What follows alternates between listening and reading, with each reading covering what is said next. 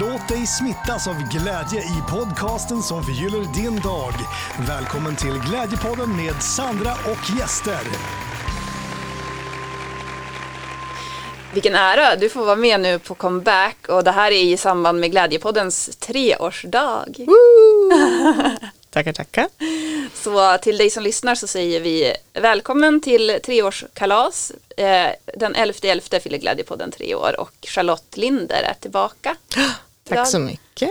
Ja, Mm. hur känns det? Ehm, spännande. Det känns, ehm, ja vad ska man säga, jag har också nyss fyllt år så det blir väl ett sätt att fira, att bli inbjuden igen. Ehm, det känns roligt att få diskutera igen lite utifrån sammanhang och värderingar och mm, det är kul. Mm, precis, vi pratade ju om hitta rätt sammanhang Mm. i förra avsnittet. Mm. Mm. Och vi, vi tänkte, tanken är att spinna vidare på det. Mm. Att eh, just också när det kommer till relationer, alltså så kärleksrelationer, att eh, där är det också väldigt viktigt att hitta rätt sammanhang. Kanske det viktigaste sammanhanget. Ja, egentligen det vi tog upp sist var väl lite arbetsliv eller sådana saker, men vi kom ju in på det. Så att relationer har man ju överallt, men kanske lite mer just kärleksrelationer, vänskapsrelationer, hur man påverkas av dem. Mm. Mm, exakt.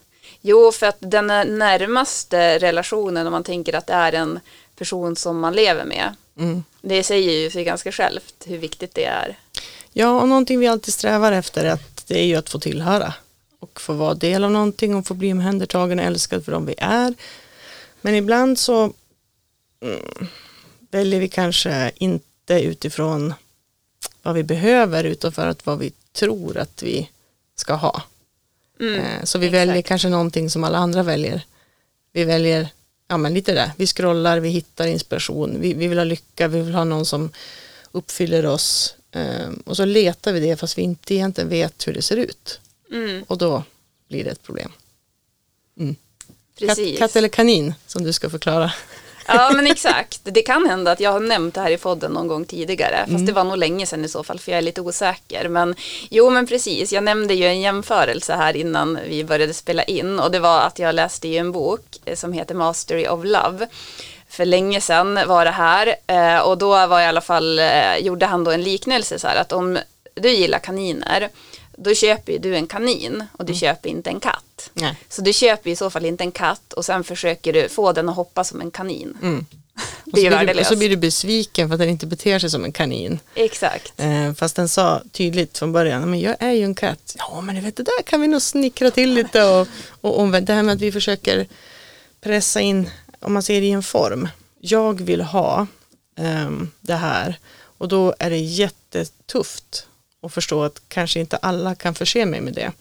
Så då antingen, det finns ju två sidor, antingen försöker vi pressa ner någon annan i den formen, katt-kaninformen, eller så pressar någon annan ner oss i den. Det blir liksom ett, eftersom vi inte riktigt kommer överens med i oss själva, vad, vad är jag? Är jag katt eller kanin?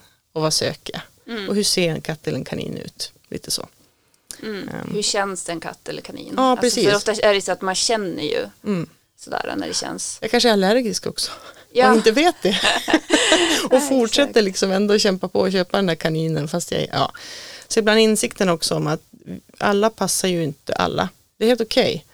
Men det tar så otroligt hårt. Att vi liksom är beredda att böja oss eller pressa ner någon annan i en form. Istället för att inse att ja, men det är okej att inte vilja samma.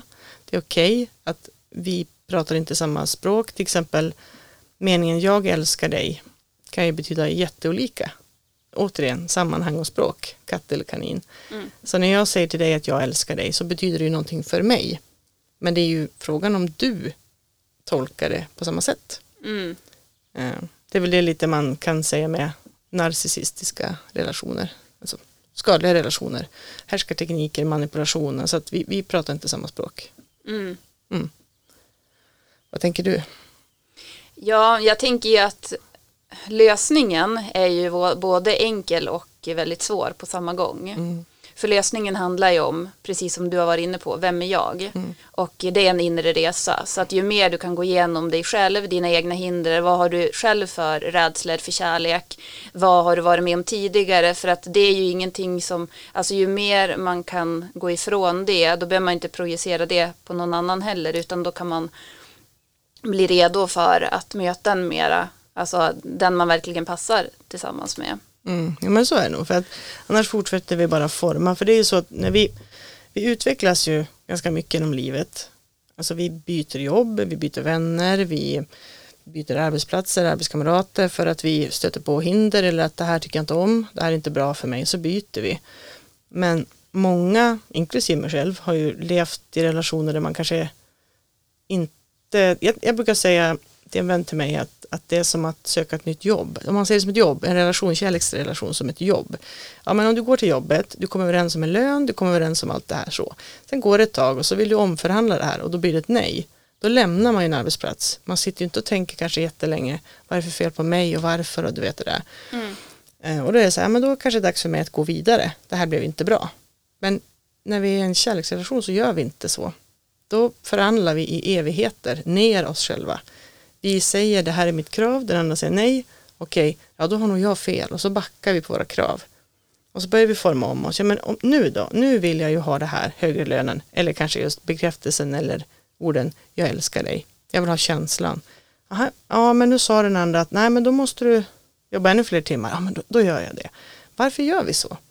Mm. Men det är väl för att vi inte är där, alltså vi har inte rätt ut oss själva. Mm. Så att det är väl där också, det, där ligger ju också, tänker jag, nyckeln till att kunna ha en långvarig äkta kärleksrelation i mm. att så här, ja men reder jag ut mig själv, då mm. är det som så mycket lättare att möta sig själv utanför sig själv också i en relation som passar. Mm. Och, och att den andra personen kanske är i samma resa som dig. Och när två personer som inte har bearbetat sina egna saker, för jag tänker att hur vi väljer våra kärlekspartners kommer mycket från vår barndom. Mm. Om vi inte har rätt ut det och det vi har sett, vad är relation? Vad är det? Är kärlek? Ja, men vad, är, vad har vi sett är, jag älskar dig. Vad är det för någonting? För det går lätt att säga det. Men hur har vi sett det? Har vi sett det med kramar? Har vi sett det med leenden? Eller ser vi det med suck, stön? Du borde, det är så orättvist. Det är det, det är en kamp om vem som får sova mest på morgonen det är alltid en kamp om det. Jag ska ha min tid, du ska ha din tid. Barnen ska ha sitt. Det blir bara en kamp, en, alltså en deal. Eller jag älskar dig när det passar mig. Mm. Eller jag älskar precis när du servar mig. Vad mm. är det den andra personen, alltså jag älskar dig, jag vill ha en relation för att jag vill ha någon som passar upp på mig. Eller jag vill bli eh, glorifierad eller jag vill växa. Men det innebär ju inte att den andra personen ska behöva betala ett pris med sitt mående. Mm. Alltså att man blir liksom en klätter förändringssteg för varandra, det går inte heller. Mm. Man kan inte leva med någon och säga att jag älskar dig så länge jag liksom, jag ska ha. För vi har mycket sånt, man ser mycket sånt på sociala medier nu tycker jag att ja, men du ska vara ensam och stark och liksom kämpa för ditt och det här individualism och vi ska du vet, jag ska ha, jag, mm. det är jag, det är min tur nu. Det är ganska farligt för då börjar vi mm. förgöra människor. Då börjar vi använda andra människor för att fylla våran bägare, då är vi ute på riktigt tunn is. För att en riktigt bra relation för mig handlar ju om det där lugnet. Det är ingen kamp. Det är ingen, mm. Vi hade samma värderingar. Det var inte bara att vi hade samma intressen eller vi träffades där och vi, vi hade vi gillade träning båda två eller hälsa men sen förändras livet. Mm. Mm. Så tänker jag. Jo, och jag tänker också det du var inne på det där med att eh, så här, vad, hur vi har sett på kärlek. Mm. Att det kommer ju ofta från barndomen om man inte sen då börjar ifrågasätta mm. det. Eh, och eh, där kan jag tycka att så här, alltså jag har haft svårt att se bra, bra förebilder när det kommer till kärlek. Mm. Eh, vilket har gjort då så här att då blir man ju osäker i sig själv. Att så här, vågar jag tro på det här? Vågar jag tro på det jag själv känner i mitt hjärta och hur jag ser på relationer och så. Eftersom att man ser så mycket som är så här, alltså inte bara så här dåliga relationer rent så här, ja riktigt dåliga relationer utan också så här vardags, eh, hur ska jag säga, ja men så här typ eh, att, ja men som att man så här bara, ja men det vart en katt. Och mm. så bara så här, den här jargongen som är så här, ja men frugan eller alltså typ sådär, det finns som ingen respekt i det och så är det så normaliserat Mm. att man har sådana där skämt och sådana jargonger och sånt där. Jo, men det är nog för att man kanske känner igen det eller vad det står för själv. Och det, just det här att man möts kanske, nu tänker jag, eftersom jag då är kvinna, man möts med sina vänner och så blir det lite så här, nu jävlar ska vi liksom prata om hur, hur det är. Och han ställer aldrig upp och det är aldrig det, det är si och så, det är så jobbigt. Och så blir det ju så då, om alla har det så, då klart då tänker man, ja men då är det så här, någonstans det man säger med det är ju att jag är inte riktigt nöjd, är det här, ska det vara så här? Och så lyfter man det i en grupp, om alla då säger vi har samma sak, så här är det hos oss också, ja men då vågar man ju inte lämna, eller hur? Där är det så här, ja, jag har också en katt, jag har också en katt, jag med, men jag vill ha en kanin fast jag, jag åker aldrig till kaninaffären. För alla andra har ju katter, verkar inte gå att få tag i en kanin typ. Så det blir väl lite så att man måste kanske diskutera också utifrån sig själv, för det, ibland kan det ju vara så också att det är det kanske inte är alltid den andra parten som är den som, "Ja, men han, han säger då, han hjälper aldrig till, eller hon gör aldrig det här, han gör inte, papp, papp, papp. just det här med, ja men regeringen eller frugan bestämmer eller, ja, du vet. Ja men exakt, vad är det för relation? Ja, men precis. Regeringen liksom. Men regeringen, Alltså, tänker jag så här, aha, men är du liksom så du tänker, vad tragiskt. Så här, men då vill inte kanske jag vara, varför, varför ser du mig som en regering, vad, vad har jag gjort? Men jag tänker också så här, hur respektlöst är det inte då att man far till sina tjejkompisar och klagar över sin man Mm. istället för att prata med mannen. Bara, du, jag känner så här, eh, skulle vi kunna dela Mm. upp det här lite mera för jag känner att jag får ta, dra ett större lass och Mm. jag blir trött av det. Och har man nu gjort det 50 gånger, vilket ofta har hänt, man har ofta tagit upp det, men antingen har man inte varit konsekvent, jag tänker för min son, jag sa så här, men snälla, varför, varför gör du bara inte som jag säger? Jag har ju sagt till dig tre gånger, då säger han så här, varför sa du, jag har sagt till tre gånger, varför räckte det inte med första gången? Ja men det är för att det känns som att du skojar, sa han. Och då slog det mig just det att, ja men det är för att vi aldrig, vi säger ofta att det här med att börja hota också med att vi ska lämna någon, eller om du fortsätter med det här då kommer jag, då måste vi bestämma oss för att vi ska göra det. Vi kan inte börja Mm. hålla små sådana här hakar och lägga ut sådana här, om du går i den här fallgruppen, då minsann. Utan om det är så att du vill ha någonting, du får inte ut det, precis som på en arbetsplats, då måste du välja. Om du ska bli bitter och stanna, då måste du stanna i situationen, du har sett den, du har bett om en förändring, den kommer inte, då väljer du att stanna. Då måste du också stanna i det, i det som är. Då kan du inte fortsätta klaga, tycker jag. Då får du antingen göra det eller så kräver en förändring, kommer inte den, sätt ett stopp. Vet du vad, det här är så här pass viktigt för mig och den här personen verkar inte tycka det. Då måste jag ju välja att lämna. Det finns ingenting annat. Eller förhandla. Alltså så här, att, okej då, jag kanske har ställt för högt krav. Eh, eller så, för ibland kan det ju vara så att den andra personen är inte boven. Utan jag kanske lever i någon, du vet jag är så inspirerad av allt det här som händer runt mig i min värld, att jag glömmer bort min partners behov också, för jag börjar bli, det finns ju tusen sätt. Så ibland granska sig själv, um, ger jag också, bidrar jag också till det här? Är det så att vi kanske bara fastnar i det här bara två? Vill vi förändra det? Eller är det så att vi, vi pratar helt olika språk? Då måste man göra ett val. Så att um, jag tror för mig blev det så att bara fortsätta sitta och känna mig sur och irriterad. Det leder ju till att jag blir mer bitter. Vad hjälper det? In, in, ingenting. Nej. Nej men det är ju jättemycket så här också hur man kommunicerar. Mm. Och jag tänker att om man också så här om man har skaffat sig en kanin då ser jag det som att så här, men då har man stängt bakdörren också. Ja men det är ju så. Och så sen så, För att just det du nämnde det här med att så här, det ska inte finnas ens ett alternativ att bara jag ska lämna utan att då är det mer så här att ja men nu har jag skaffat en kanin och då löser vi det vi ska lösa. Så. mm, ja men om du vill det, men sen är det så att den där kaninen kanske har rabies eller. Ja men precis, jo, jo men jag tänkte att det Ja. var då en som Jo. jag ville, alltså så. Precis, så får Eh. man också göra. Då kan man ju inte börja gnälla liksom, ja nu har jag flyttat upp med den människan och han ville inte det. Och det han sa det från början men jag tycker att, och så, men, vänta nu här, stopp, stopp, stopp. Du kan ju inte kräva, skaffar du kaninen, du vet att den har päls, men helt plötsligt kom du på att du vill inte sköta pälsen eller att maten är för dyr. Då kan du inte klaga på kaninen eller svälta ut den. Då måste du göra ditt jobb. Eller? Och så sen nästa gång, vi säger nu då att du lämnar den här kaninen, då kanske nästa gång ska du inte köpa en kanin.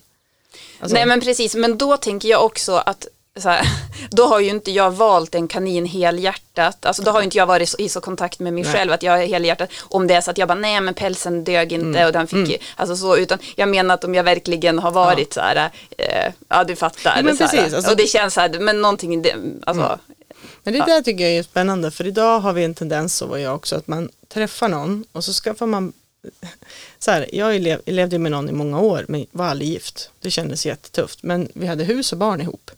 Um, och så sen separerade jag och träffade någon där jag tänkte så här, men jag kan alltså inte gifta mig med den här personen där det egentligen bara jag som är engagerad.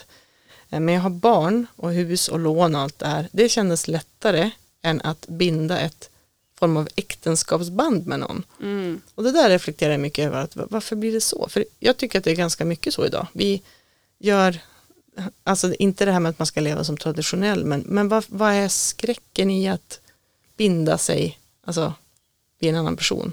Du kan dela allting med en annan person, men det här med giftermål kan vara ganska obehagligt för många. Och det gör vi i sådana fall absolut sist. Det, det tänkte jag, ja, men låt höra då, för nu är du ju gift. nu är jag gift och jag har firat eh, bröllopsdag i sommar.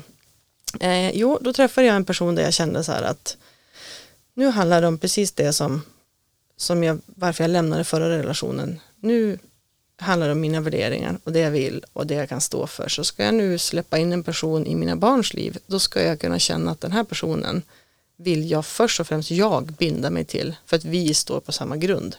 Kan jag göra det, då kan, vi, då kan jag släppa in honom i resten. Och det var en stor skillnad, den kändes jätteläskigt. För det var som att, egentligen jätteenkelt, vi gifte oss liksom hemma, vi skrev på papper, vi lovade varandra, vi gav en ring. Det är egentligen ingen stor grej. Men du skapar barn ihop som växer, som du har DNA som du delar, som kommer att påverkas av uppväxten. Det, liksom, så jag började reflektera över så här, vad, vad är det som är så läskigt? Jo, det är det här med att tillhöra. Är jag beredd att knyta mig själv vid någon annan? Jag tror att för första gången någonsin så kände jag en trygghet med honom. Alltså att här kan jag vila, här vill jag binda mitt band. Mm. Eh, Så jag tror att vi behöver lite grann fundera på, det handlar inte om att vara traditionell och gå tillbaka till någon sorts så, men börja fundera på vem vi lever med. Mm. Ska jag, alltså vem skapar vi ett hem med? Vem skapar vi en familj med? Vem skapar vi en värld med? Mm. För jag tänker det att vad visar vi barnen? Mm. Så här, det här är kärlek och så är det egentligen inte kärlek och så tänker man själv att nej men ska jag verkligen, alltså man, man förstår inte vad man själv är värd Mm. men då är ens egen så här, brist på självvärde den, den påverkar ju också andra. Så att jag tänker också det återigen den här inre resan när man själv kan gå in i, alltså hur jobbig den än må vara. För som jag sa inledningsvis den, det är lösningen är både lätt och svår. För det är det här, ska man gå igenom då sina, alla sina egna rädslor och sånt? Det är ju ingen lätt match att göra. Men jag tänker också att det är så här det skapar ju också sådana förutsättningar för väldigt mycket mer kärlek. För när vi har trygga alltså kärleksrelationer som vi ser och som, ja men bara att man får som ta del av andras relationer och se att bara, det där är jättefint och man får se exempel på sånt och barn får se exempel på sånt och veta vad verkligen kärlek är. Det gör ju att de förstår ju sitt eget värde på ett annat sätt då, för växer man upp som barn i en relation som inte är så bra och så sen så eh, vad signalerar, alltså vad ger det mig som barn då, nu tar jag mig som exempel, men så om vi låtsas att jag är ett barn, vad, vad, vi, vad ger det mig som barn då för eh, Alltså vad sätter det? Då tänker ju jag också att ja, men mitt värde är inte högre än att men det blir väl en, eh, ja det kanske inte ens blir en katt, det kanske blir en mus. Alltså så här, eh, och som jag inte alls vill ha, men det, ja. Mm. Nej men det är väl så för att just det här, ja men lite som du säger, hur, vad, alltså, vad händer med världen runt omkring oss också? Mm. Och vad är det vi gör? Sen är det ju så, jag var yngre då och så är det ju, ibland så skaffar man barn och ung och man förändras ju också i och med ett föräldraskap eller i alla relationer, allt du gör, alla relationer, ditt arbete, hur du studerar, du förändras, du får andra värderingar, din väg smalnar. Så ibland är det ju så också att det förändras och det behöver inte bero på att du valde fel från början. Exakt. Men då går det oftast att jobba på det om du någonstans har samma grund. Men när rädslan för att vara ensam är så stark att du är beredd att bo, leva med någon som inte fyller din bägare, det är tufft. Och jag, jag kan se stor skillnad kan jag säga på att eh, hur barnen har påverkats av relationerna som du är inne på. Vad är det vi ser? Alltså hur ser kärlek ut? Eh, det syns väldigt tydligt när man har levt i en mindre bra relation och när man lever i en bra relation. Hur barn förändras av alltså, det där som vi säger till dem. Du ska visa respekt, du ska visa omtanke, du ska vara glad, du ska hitta vänner som, som bryr sig om dig, du ska göra din röst hörd. Men samtidigt, och så ställer vi det kravet på omvärlden och skolan och sådär. Men samtidigt så kommer vi in i hemmet och där ser vi det inte. Där är det oh, herre, oh, oh, mm, suck, stön, det är allt det där. Så var jag också. Jag tyckte att barn, det var liksom ganska jobbigt. Det tog tid från det jag ville göra. Men vad ville jag göra egentligen? Jag var så upptagen med att liksom inte överleva men klara av min relation. Att jag liksom mm. inte riktigt tänkte på någon annan. Jag blev så, det var så mycket fokus på det. Och så sen att separera och se hur barnen påverkas. För att det de ser i en relation det är ju två personer. Det enda de ser det är mamma och pappa. De upplever ju inte riktigt andra kärleksrelationer. De kan ju åka hem till någon och säga så här, de gjorde si eller de gjorde så. Um, och då förstod jag hur mycket de tar del av och, och separera och leva med någon där jag är glad, nöjd, liksom avslappnad. Mina barn har ju förändrats jättemycket. De är mm. mer, de är inte så försiktiga, de är mer glada, de vågar göra sin röst hörd, de, liksom, de kramar mig mer, jag kramar dem mer. För helt plötsligt är jag trygg i min relation, då har jag ju någonting över. Jag har tid, jag har energi, jag har ett lugn i kroppen, så helt plötsligt så har jag det. Eh, jag klappar katterna extra mycket. Ja, men det här med att de, de har gjort något bra i skolan kan bli mer så känslosam och gråta över för det blir som att jag har som tid mm. att, att vara liksom i, i kärlek. Jag har tid att älska, jag har tid att förstå, jag har tid att, ja men det är, jätte, det är, ja, men det är en jättestor skillnad. Hela livet förändras när du hittar det där respekten och liksom om, den genuina omtanken. Att någon, ja, någon faktiskt vill och man vill samma. Mm. Och vi har ju oftast de relationerna redan, förhoppningsvis i vänner. Så vi har ju det bandet, vi kan ju gå, nästan alla kan nog tänka på en vän dit vi går, där man alltid känner sig glad, eller åh, här kan jag liksom vila, eller jag kan få vara mig själv. Eh, dit går vi, men vi har det inte i vårt eget hus, under vårt eget tak, i samma säng där vi sover med en annan människa. Där har vi det inte det kan ju också vara med vänskapsrelationer att det kan ju också vara någonting som man känner som tar energi eller att man växer mm. ifrån varandra och det kanske är lite så här det, alltså att man då känner så här att men gör man verkligen slut med en kompis och sånt där mm. men det är ju också någonting som man verkligen alltså där måste man ju också ta hänsyn till sin mm. energi och och jätteviktigt, ibland kan det vara det också, man har en väldigt bra kärleksrelation men man har inte vänskapsrelationer som matchar det, för att man, man förändras ju. Mm. Eh, men där man kanske känner att oj då, det jag nu har, det har inte den här personen och det har jag förstått att det kanske är, oj då, här står det inte bra till. Eh, det kan ju vara på båda hållen. Mm. Att man tankar hos sin partner för att man ska gå och träffa en vän som man känner att oh, här blir jag dränerad. Det mm. finns ju olika. Men för mig var det nog att jag hade en kärleksrelation som inte var bra. Men jag hade vänskapsrelationer som var fantastiska.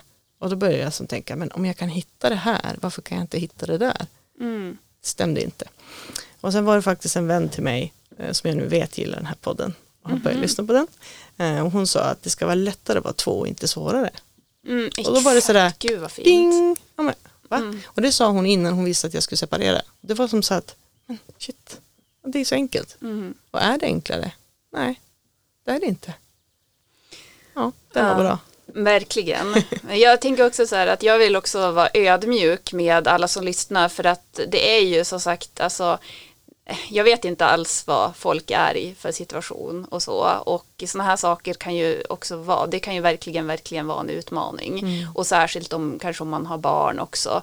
Och, men eh, vi vill väl lyfta det för att det är så himla viktigt för det påverkar så mycket. Du är ju ett levande exempel på det. Just jag minns att du sa det när vi pratade vid något tillfälle förut och du bara, det är som att hela mitt nervsystem kan som bara vara lugnt nu när jag går och lägger mig mm. på kvällen sådär och ja, gud, jag blir väldigt rörd när jag, eh, när jag hörde det och jag, när jag mm. tänker på det nu också. Det, eh, och det, men det kan vara en jätte, alltså jag, jag har själv gjort en, alltså jobbat jätte, jättemycket med mig själv och mitt eget värde och så här, jobbat bort, försökt i alla fall, mm. nej, men jobbat bort eh, tidigare rädslor och sånt som har varit tidigare för att våga tro på det jag vill tro på. Mm.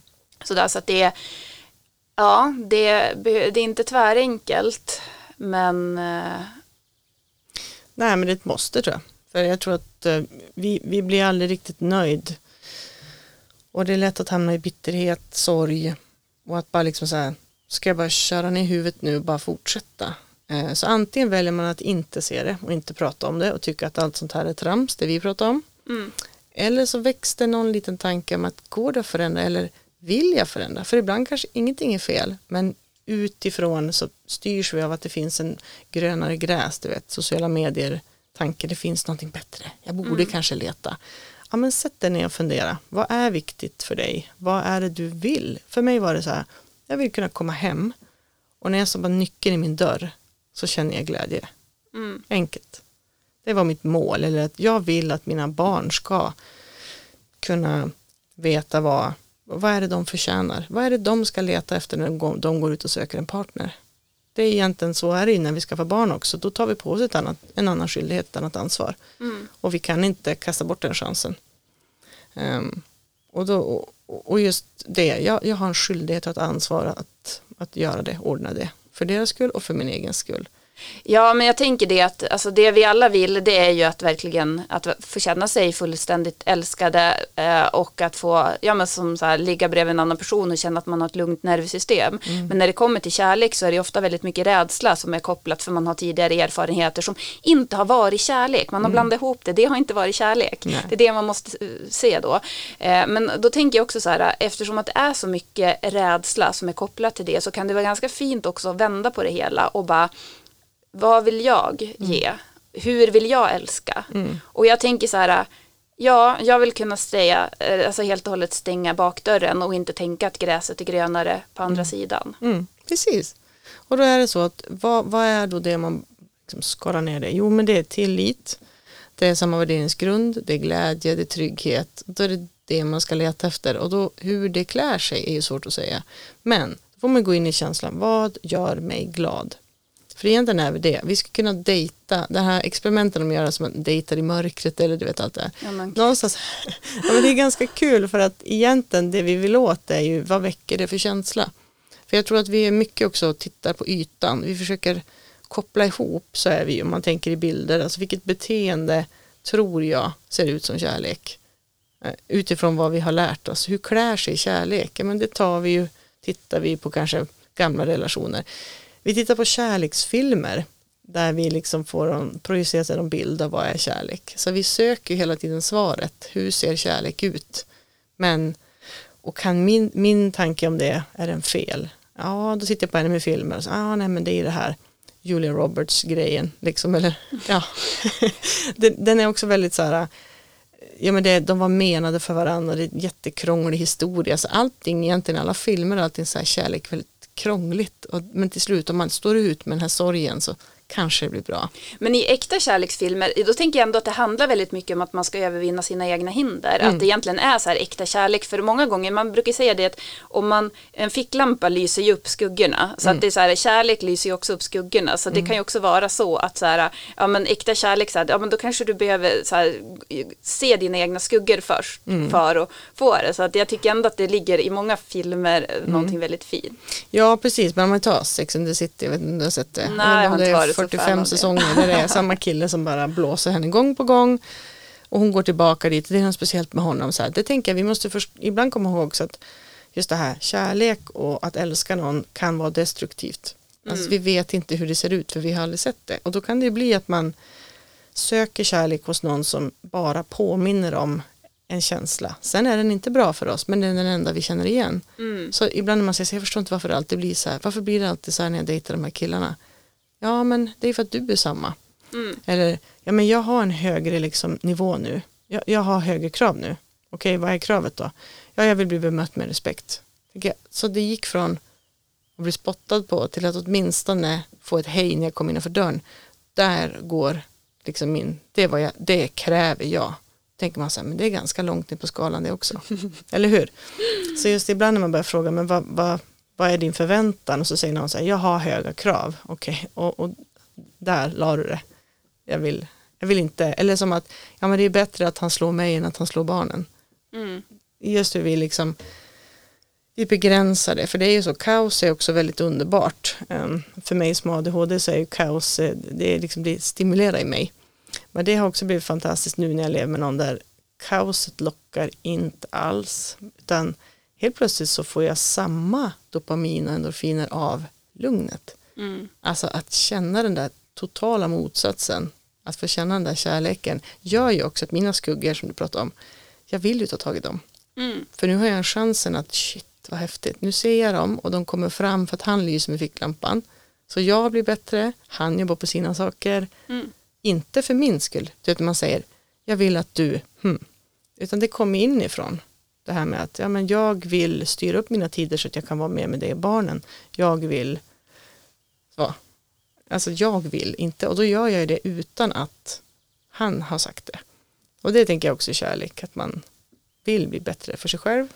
Och, ja, inte Ja. bara för andra. Och jättebra att du tog upp det för att det är också ett exempel på att man behöver ju inte vara perfekt.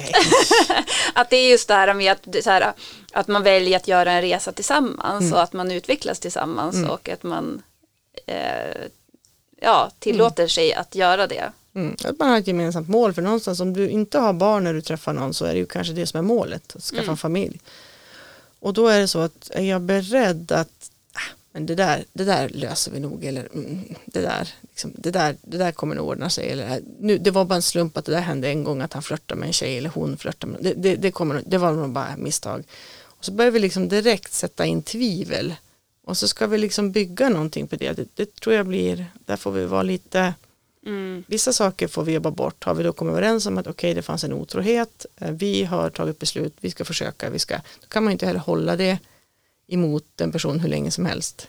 Så att eh, komma överens med sig själv att här går min gräns. Eh, jag vill det här och då vill jag hellre leva själv. Eller som för mig tänkte jag att ja, men jag har mina barn, de fyller ju mig med kärlek, så är det ju. Det är den ultimata kärleken. Den är helt ren, det finns ingenting eh, alltså som är skadligt med barns kärlek. Men det finns ett stor risk att vi skadar tillbaka. Mm. När vi, hur bemöter vi kramen, hur bemöter vi frågorna. Så jag tänkte att nej, men nu stannar jag i det här och bara har den här äkta oförstörda, de vet ju inte vad manipulation är på samma sätt. Ja, det där med, ja men det känns inte som det är seriöst när du, liksom, det blir ingen konsekvens som min yngsta son sa. Nej, men då får man ju guida någon i det. De gör det ju inte med flit för att vara elaka. Så det är som sån fin ren kärlek, så den kan man ju tanka och tänka på att barn vill ju ingenting annat än det och ge en kram. Känn vad den kramen är, den är helt, den har ingen skada i sig. Men det kan det vara från en, en vuxen. Det kan vara skada. Men jag tänker också exemplet som du gav, att man har ett mål, bara, men vi ska skaffa barn.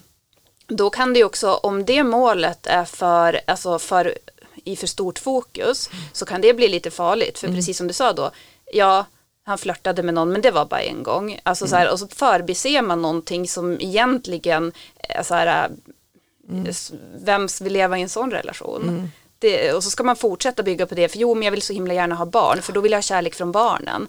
Så istället för att, ja men jag hittar en ordentlig kärleksrelation först som verkligen är stabil och där utifrån så bygger vi en familj. Mm, precis, att inte börja med att jag vill ha allt det där och att det blir nog bra. Men vi vet ju alla vi som är vuxna att allting som händer oss nu, vilka sammanhang vi har, vilka relationer vi har, beror på hur det var när vi var små. Så att, att sitta och säga nu också så att ja, men allt, allt som har varit krångligt, jag menar jag har gått i terapi, jag har gjort massa saker för att ja, upplevelser jag har haft, ska jag verkligen nu då inte ta hand om dem för att mina barn, ska de behöva uppleva det här också? Mm. Alltså lite just det, så att vi, vi blir ju större men vi blir ju kanske inte alltid smartare ibland. Mm. Alltså vi har ingen som guidar oss längre. Som när min son säger något sådär kan jag säga, ja fast menar du verkligen det? Alltså Mm. ibland kan man identifiera hur många gånger på en dag när man möter sina barn har jag möjligheten faktiskt att skada. Alltså det är ganska många gånger, du vet om de kommer och jag vill berätta något om e-text, då kan man säga gå, gå in till dig, eller jag har inte tid nu. Alltså jag kan göra det, för de kommer ju helt öppna, liksom nu, nu ska jag springa till mamma och säga något som jag är stolt över. Jag har världens möjlighet där, alltså slå in en spik eller slå in ett wow. Ehm, så att vi tänker på det också, att jag tror att vi är ganska fast i det här att jag ska må bra, jag ska må bra. Och min partner, vi mår inte så bra, men det är något sånt där, så har vi den känslan. Och det spiller över på våra barn. Så var det för mig. Det spiller över jättemycket på mina barn. Min alltså, olust och mitt eh, kampen jag levde i, det är klart det spiller över på dem. Det är en sorg, alltså så. Eh, och man förstår det inte för att de ser bara det här. Så att de ser ingenting annat.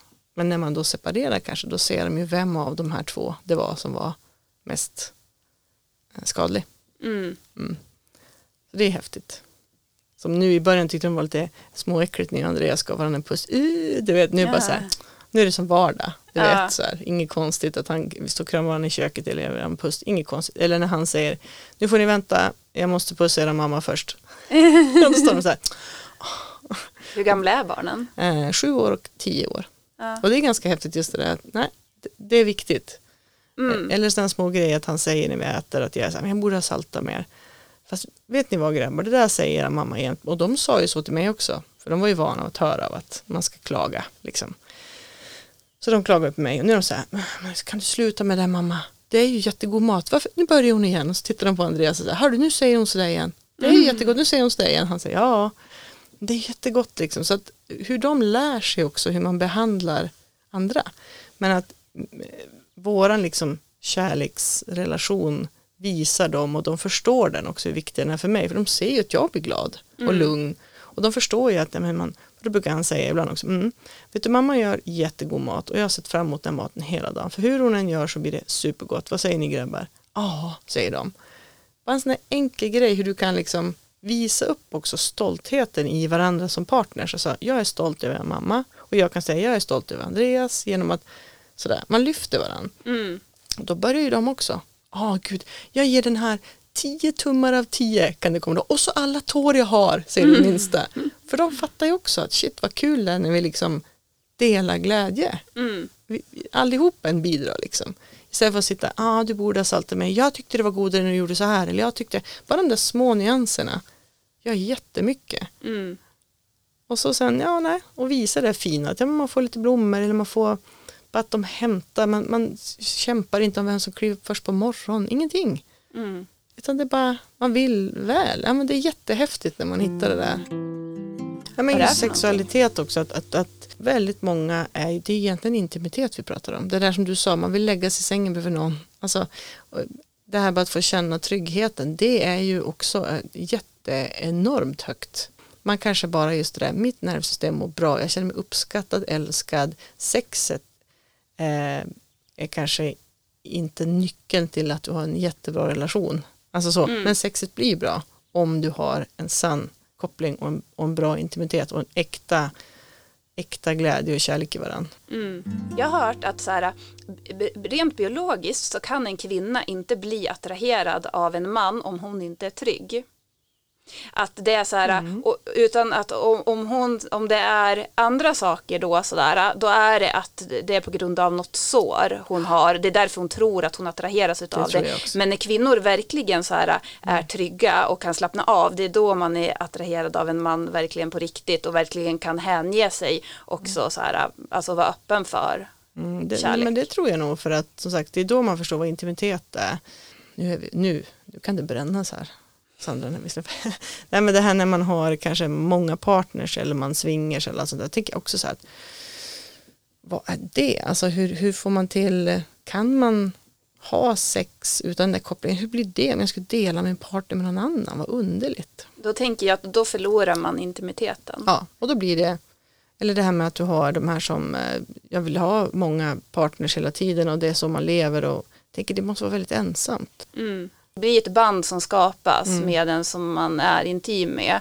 Och det bandet förstörs om du håller på och strör det liksom här och där och där och där. Ja, jag tror vi ska börja avrunda Ja. för våran tid här tar slut snart på biblioteket där vi sitter. Men eh, jag tänker jag ska också säga, vi har ju samarbetspartners som, eh, som jag ska lyfta och det är Glimja som är ett e-handelsföretag inom hälsokost som erbjuder bara de bästa, renaste produkterna. Och med koden Glädjepodden, stora bokstäver, så får du 15% rabatt på ditt nästa köp. Så gå gärna in och kolla det, det finns i poddbeskrivningen. Och sen så eh, ska vi puffa för Glädjefabrikens Tradera också. Den är jättespännande. Ja, Den, den är under, eh, vad säger man? Uppbyggnad kanske. Uppbyggnad, Ja. precis. Eh, Men kolla in den för där kommer det hända eh, grejer, roliga grejer. Jag blev förvånad vilka ganska rätt bra eh, ja, priser man kan hitta där. Ja, men man, man kan verkligen fynda där. Mm. Och sen om det är någon som då vann på Lotto i lördag så bara, vad gör jag av alla de här pengarna och känner så här att jag vill investera i något bra. Mm. Då finns den möjligheten att lägga ett högt bud också. Men just också inför julen att man kan kolla Mm. Eh, och även för företag kommer det också komma upp mer och mer tjänster. Mm. Så det finns också i poddbeskrivningen. Charlotta, har du någonting som du vill säga nu innan vi Nej, tackar? det var kul. Ja, Inget mer. Jag känner mig glad. Eh, vi Ja. båda två sitter med ett leende, tänker jag. Det räcker väl bra. ja men precis. Mer kärlek till världen och eh, var snäll mot er själva. Mm. Och eh, våga satsa på kaninen. Exakt. Eller katten, eller råttan, eller fågeln. Ja, men exakt. Kom på vad du gillar. Och det är inte fel att inte vilja det alla andra vill. Det finns fler som du. Finns du, finns jag. Mm. Mm. Exakt. Ja. ja, ha det gott. Tack. Tack.